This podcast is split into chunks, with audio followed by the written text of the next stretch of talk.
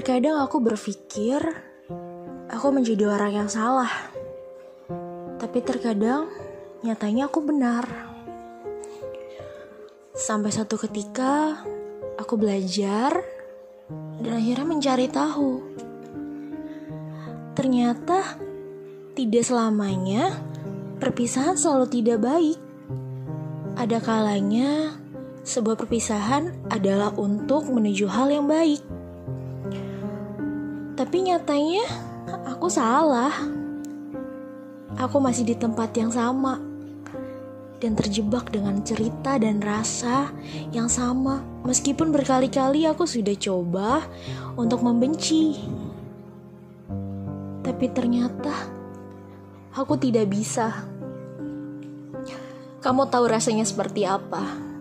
Terjebak dalam waktu, terjebak dalam perasaan yang tidak seharusnya aku rasakan tidak enak. Ketika aku berusaha membencimu berulang kali, ketika aku berusaha melupakanmu berulang kali, di situ aku hanya merasa, apakah yang aku lakukan ini benar? Apakah kamu mengetahui apa yang aku rasakan saat ini? Dan lagi-lagi aku kalah akan perasaanku sendiri. Betapa bodohnya aku ketika aku merasa aku adalah seorang wanita yang terlalu lemah.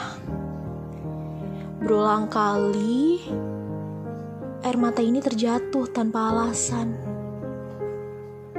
Ya, aku kira tanpa alasan.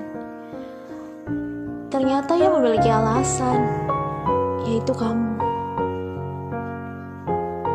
Entah sampai kapan, aku pun gak tahu. Tapi nyatanya ketika aku mencoba pergi jauh darimu,